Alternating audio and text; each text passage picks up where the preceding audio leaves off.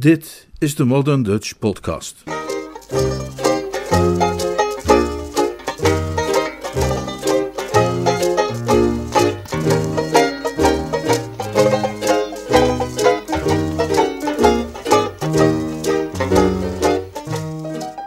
Het meisje in de taxi.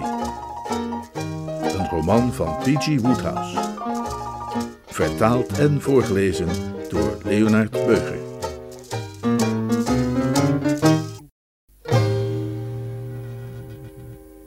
Hoofdstuk 11 George opende de brief met trillende en eerbiedige vingers. Beste meneer Bevan, heel erg bedankt voor uw briefje dat Albert me gaf. Wat ontzettend aardig. Hallo meneer! Geërgerd keek George op. Dat joch was weer opgedoken. Wat is er? Kun je de cake niet vinden? Nee, de cake heb ik wel gevonden, antwoordde Albert, terwijl hij om zijn woorden te bewijzen een enorme plak toonde waaruit hij een flinke hap nam om te helpen bij het nadenken. Maar ik kan het gemberbier niet vinden.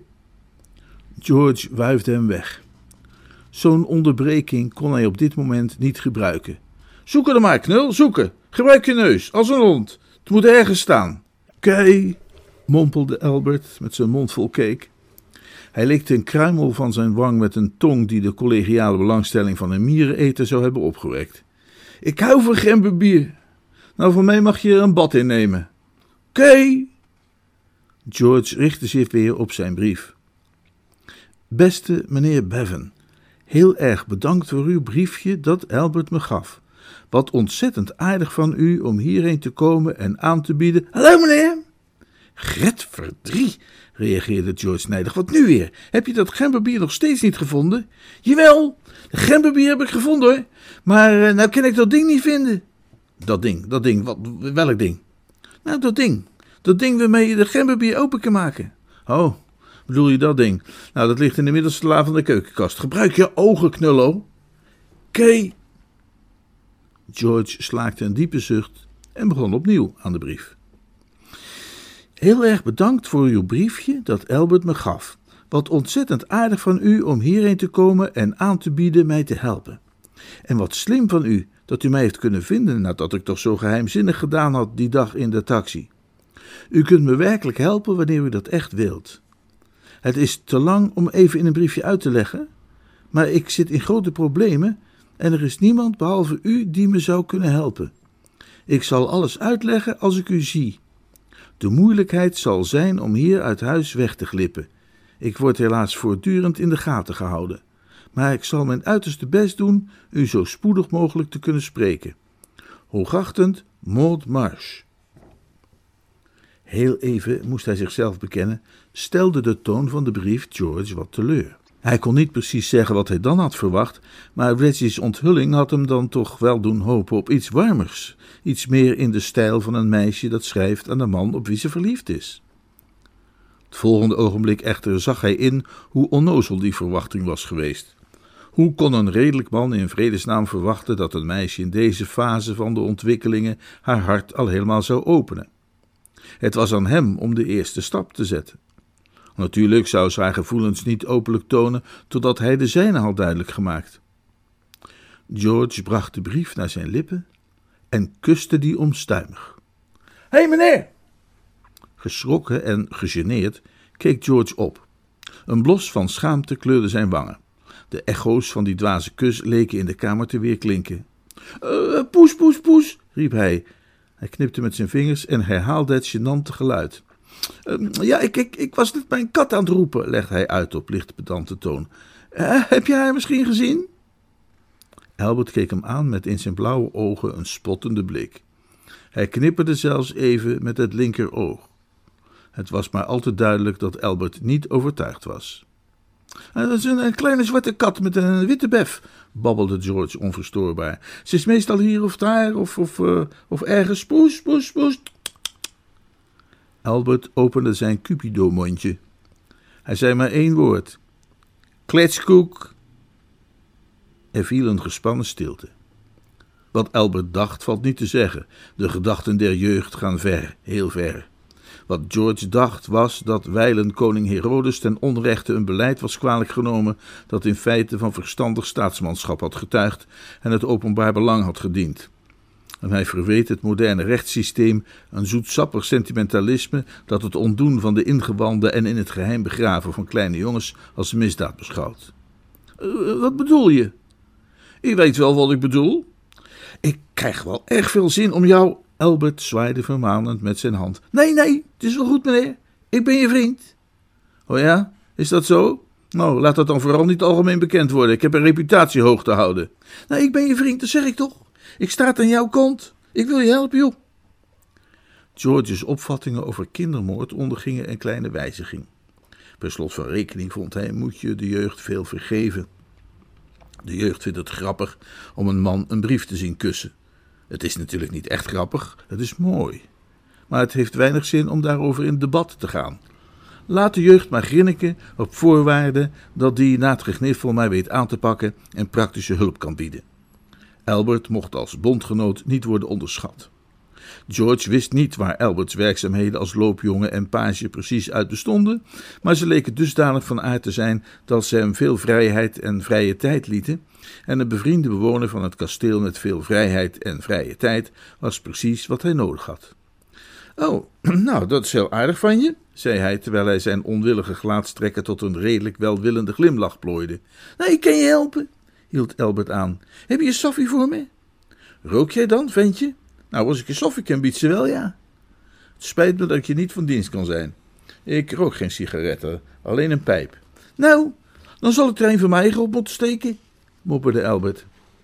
Hij rommelde in de geheime diepte van zijn broekzak en haalde een touwtje, een mes, het vorkbeentje van een kip, twee knikkers, een geplette sigaret en een lucifer tevoorschijn. Hij stopte het touwtje, het mes, het vorkbeentje en de knikkers terug streek de lucifer af langs het strakste deel van zijn persoon en stak de sigaret op. Ik kan je helpen. Ik weet wat rooi en strooi is. En dat rook je zeker ook, zei George huiverend. Pardon? Nee, niks. Albert nam een tevreden trekje van zijn sigaret. Nee ik weet alles over jullie. Oh ja? Over jou en Lady Maud? Oh, is dat zo? Ik sting naar het sleutelgat te luisteren toen die ruzie aan de gang was. Dus er was ruzie. Een vage glimlach van achteraf genieten verlichtte Alberts gezicht. Oh, en wat voor een ruzie. Gillen en schreeuwen als beesten, joh.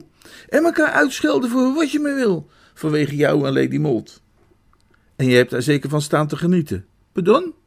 Ik bedoel, je hebt dus staan luisteren. Nou, reken maar dat ik daarna heb staan luisteren.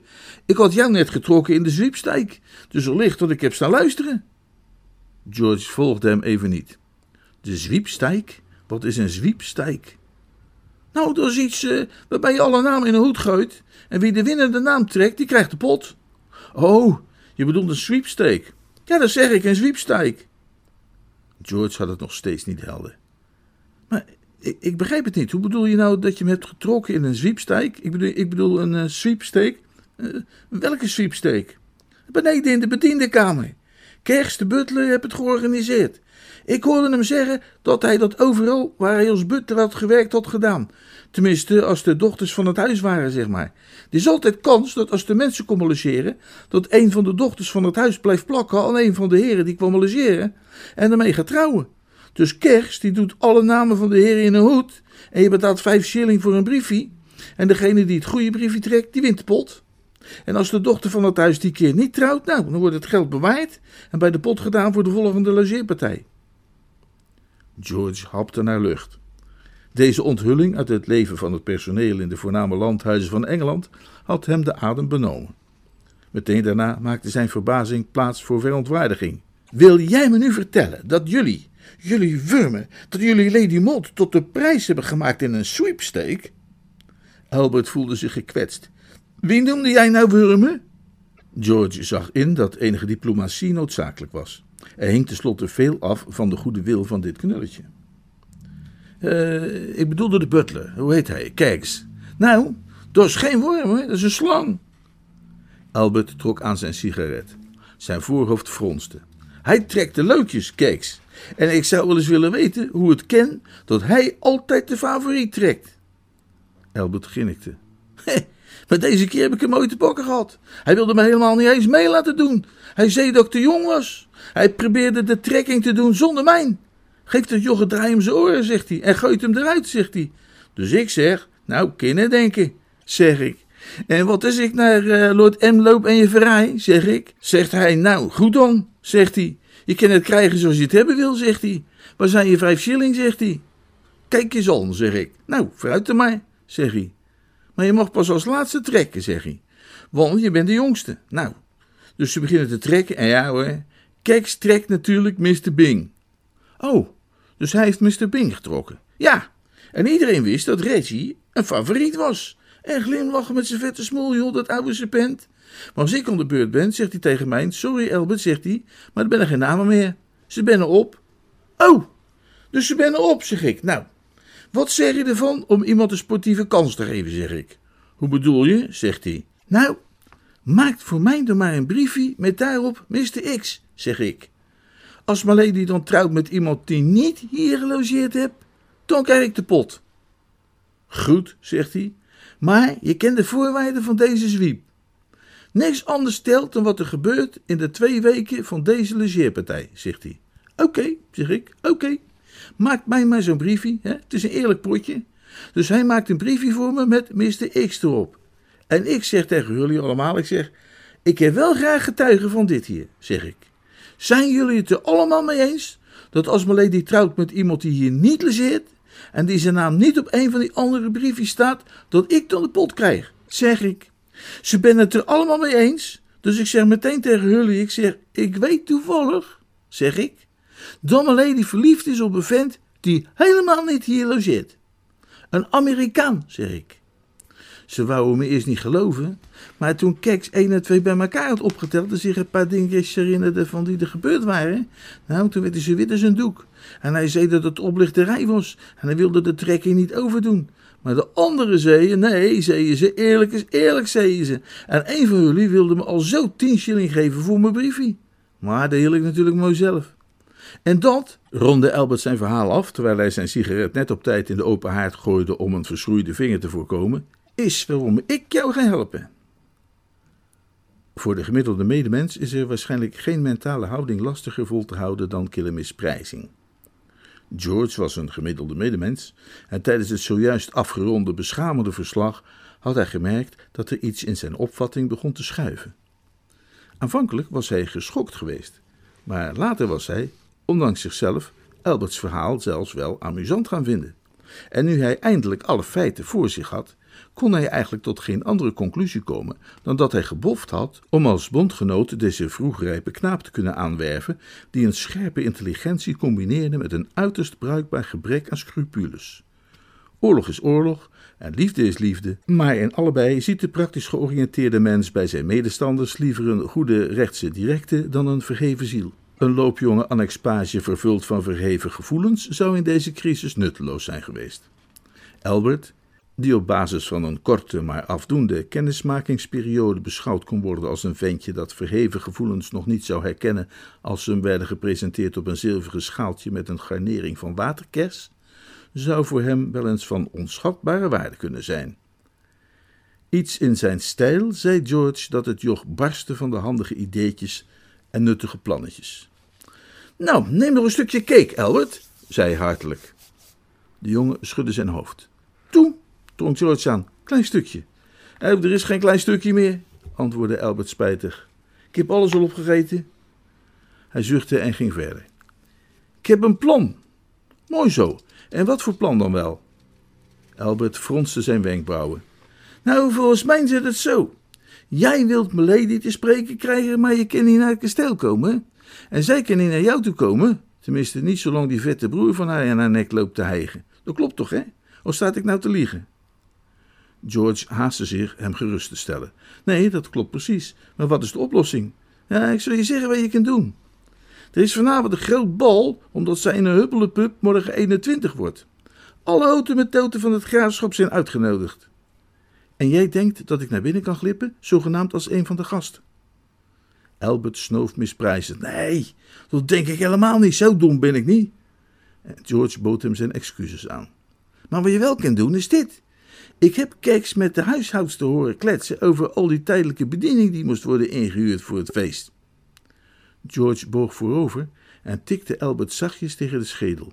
Hé, hey, niet mijn haar in de war maken, waarschuwde het ventje ijzig. Albert, jij bent een van de grote denkers van deze tijd. Ik kan als een van de obers het kasteel binnenkomen, en als jij dan Lady Maud waarschuwt dat ik er ben, kunnen we een ontmoeting regelen. Machiavelli had het niet handiger kunnen bedenken. Mac wie? Een van jouw voorvaderen. Een machtig intrigant in zijn tijd. Maar wacht even. Wat is het probleem? Hoe kom ik aan dat baantje? Wie gaat mij inhuren? Nee, dat zit wel goed. Ik zal tegen de huishoudster zeggen dat jij mijn neef bent, die in Amerika geopend hebt in de beste restaurants, en dat je hier op vakantie bent en wel een avondje wil komen helpen. Je kan er nog een pond mee verdienen ook. Nou, dat pond zal ik aan jou geven. Ja, dat is nou precies, zei Albert instemmend, wat ik zelf ook al wilde voorstellen. Dan laat ik nu verder al het geregel aan jou over. Ja, dat zou ik maar liever doen ook, als je niet overal een puinhoop van wil maken. Het enige wat je hoeft te doen is stipt om acht uur naar de bediende ingang te komen en te zeggen dat je mijn neef bent. Het is wel iets heel verschrikkelijks om iemand te vragen dat van zichzelf te zeggen. Pardon? Nee, niks, zei George.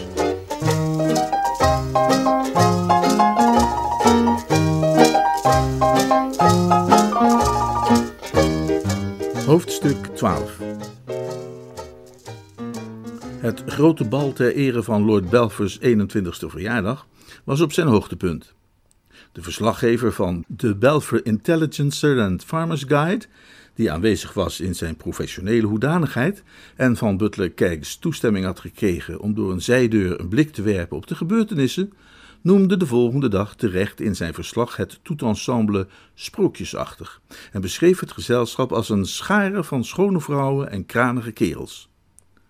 Op de dansvloer verdrongen zich de beste en edelste vertegenwoordigers van het graafschap, zodat als iemand een halve baksteen in de menigte had geslingerd, er niets dan blauw bloed zou zijn vergoten. Edelen van den bloede trapten op de tenen van ridders, hoogwelgeborenen botsten tegen de ruggen van jonkers en freules. Waarschijnlijk was Lord Marshmoreton de enige persoon met een titel in het ganse graafschap die niet zijn rol vervulde in dat schitterende tafereel. Toen hij ontdekte dat zijn studeerkamer tijdelijk was omgebouwd tot garderobe, had hij zich teruggetrokken in bed met een pijp en een boek getiteld Rode Rozen, Witte Rozen door Emily Ann Mackintosh, uitgeverij Popgood, Ruley Co., waarvan hij helaas moest ontdekken, nadat hij in de kussens zat en het te laat was om zijn fout te herstellen, dat het niet, zoals hij had verondersteld, een verhandeling was met betrekking tot zijn favoriete hobby, maar een roman vol suikerzoete sentimentaliteit die de avonturen beschreef van een jong en ongerept Engels meisje en een kunstschilder die Claude heette. Vanuit de schaduwrijke beslotenheid van een galerij keek George met ongeduld neer op het luisterrijke gezelschap. Het voelde alsof hij dat zijn hele leven al had staan doen. De nieuwigheid was er inmiddels al lang vanaf. Het was allemaal net de tweede acte van een ouderwetse muzikale komedie. Tweede bedrijf, de balzaal Grandchester Towers, een week later. Een gelijkenis die, wat hem betrof, nog werd versterkt doordat de band meer dan eens oude versleten nummers ten gehore bracht die hij zelf had geschreven en die hij anderhalf jaar geleden al niet meer kon horen. Het kasteel had hij zonder enig probleem kunnen binnenkomen. Een kort gesprekje met Mrs. Digby, de huishoudster, een oudere dame van het moederlijke type, die zelfs door Albert met respect behandeld leek te worden, gevolgd door een nog kortere ontmoeting met Keggs, humeurig en prikkelbaar vanwege zijn verantwoordelijke taak die avond, die zelfs terwijl hij met George in gesprek was, tegelijkertijd nog in twee andere conversaties verwikkeld was over de dringende taken van dat moment. En hij was voorbij de censuur, en voor één avond toegevoegd aan de uitverkorenen binnen de muren van Belfer. Het was zijn taak om hier op de galerij te staan en met de hulp van een van de dienstmeisjes de dansers te bedienen die hier even wilden uitrusten. Niemand had tot dusver zijn opwachting bij hen gemaakt. De grotere verlokkelijkheden van de dansvloer beneden waren vooralsnog te zeer in trek. En het afgelopen uur was George alleen geweest met het dienstertje en zijn gedachten. Nadat het meisje George had gevraagd of hij haar neef Frank kende, die bijna een jaar in Amerika had gewerkt, waar hij negatief op had moeten antwoorden, leek ze teleurgesteld te zijn en haar interesse in hem te hebben verloren, en had ze al twintig minuten niets meer gezegd. George spiedde voortdurend vanaf de galerij of hij Albert misschien zag naderen, zoals een schipbreukeling die de horizon afspeurt op zoek naar een zeil in de verte. Dit lange wachten was waarschijnlijk onvermijdelijk. Het zou Maud waarschijnlijk niet meevallen om op zo'n avond zelfs maar even weg te glippen. Zeg kerel, wil jij misschien even een glaasje fris voor me halen? George tuurde juist een ogenblik gebogen over de balustrade toen die stem achter hem klonk en de spieren van zijn rug verstijfden toen hij de joviale toon ervan herkende. Dit was een van de dingen waarop hij zich had voorbereid, maar nu het echt gebeurde, voelde hij een golf van plankenkoorts over zich komen, zoals hij dat nog maar één keer eerder in zijn leven had meegemaakt, toen hij nog jong en onervaren genoeg was om op het toneel te verschijnen na een première. Reggie Bing was een vriendelijke jongen die hem niet opzettelijk zou verraden, maar Reggie was ook een babbelaar die erg moeilijk dingen voor zich kon houden. Het was nodig, dat was hem duidelijk, om van het begin af aan ferm te blijven en Reggie ervan te overtuigen dat elke gelijkenis die hij dacht te zien tussen de man die hij die middag had gesproken en de ober van vanavond slechts in zijn vruchtbare verbeelding bestond. Toen George zich omdraaide, verloor Reggie's vriendelijke gezicht, blozend roze van de gezonde inspanning op de dansvloer en Lord Marshmoretons beste Bollinger, bijna alle kleur. Zijn ogen en zijn mond gingen wijder open. Reggie was werkelijk geschokt. Het hele eerste deel van de avond had hij zich ijverig voorbereid met behulp van de nodige stimulerende middelen om genoeg lef te verzamelen Alice Faraday ten huwelijk te vragen. En nu hij haar van de menigte had weten weg te voeren naar een afgelegen hoekje en op het punt stond zijn geluk bij haar te beproeven, overviel hem de vreselijke angst dat hij net iets te ver was gegaan met die Bollinger. Hij kreeg last van optische illusies. Grote God! Reggie rekte zijn boordje wat op en zette zich schrap. Uh, zou je alsjeblieft een, uh, een glaasje limonade willen brengen naar die dame in het blauw daar op die bank bij dat borstbeeld? zei hij voorzichtig.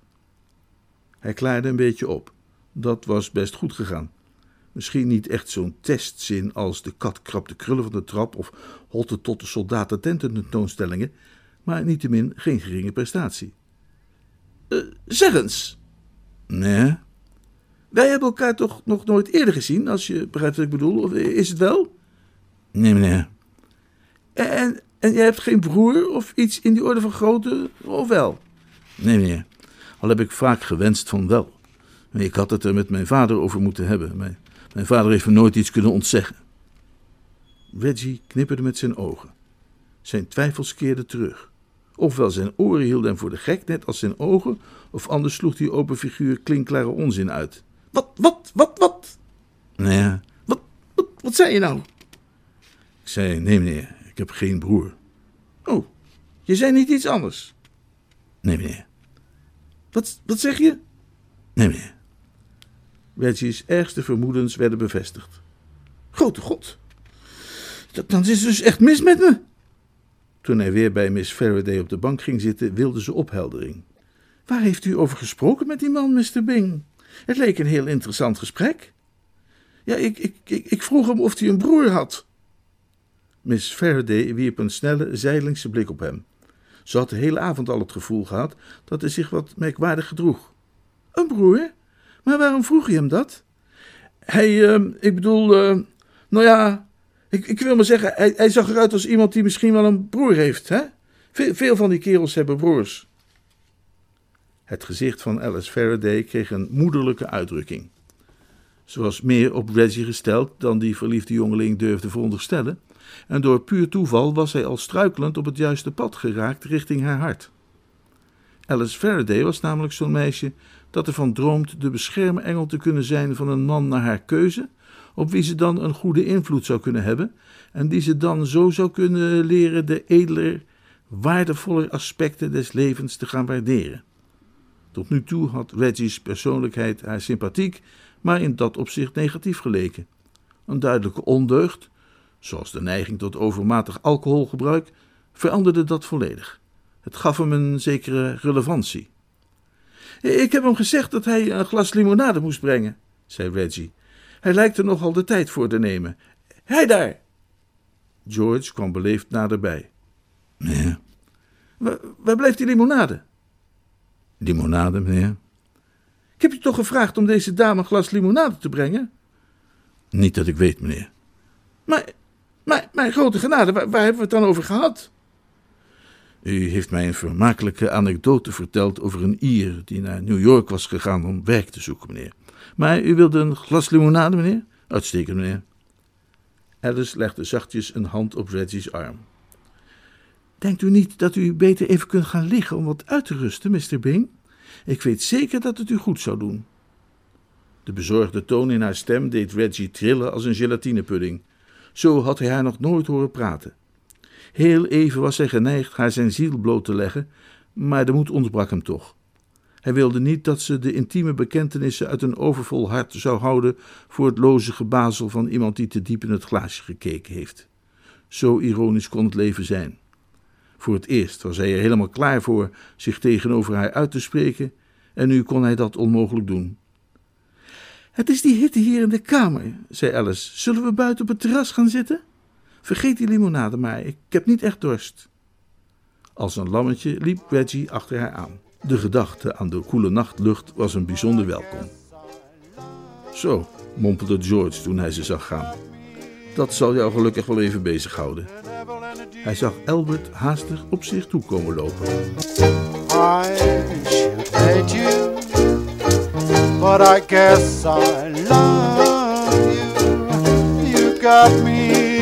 Between the devil and the deep blue sea.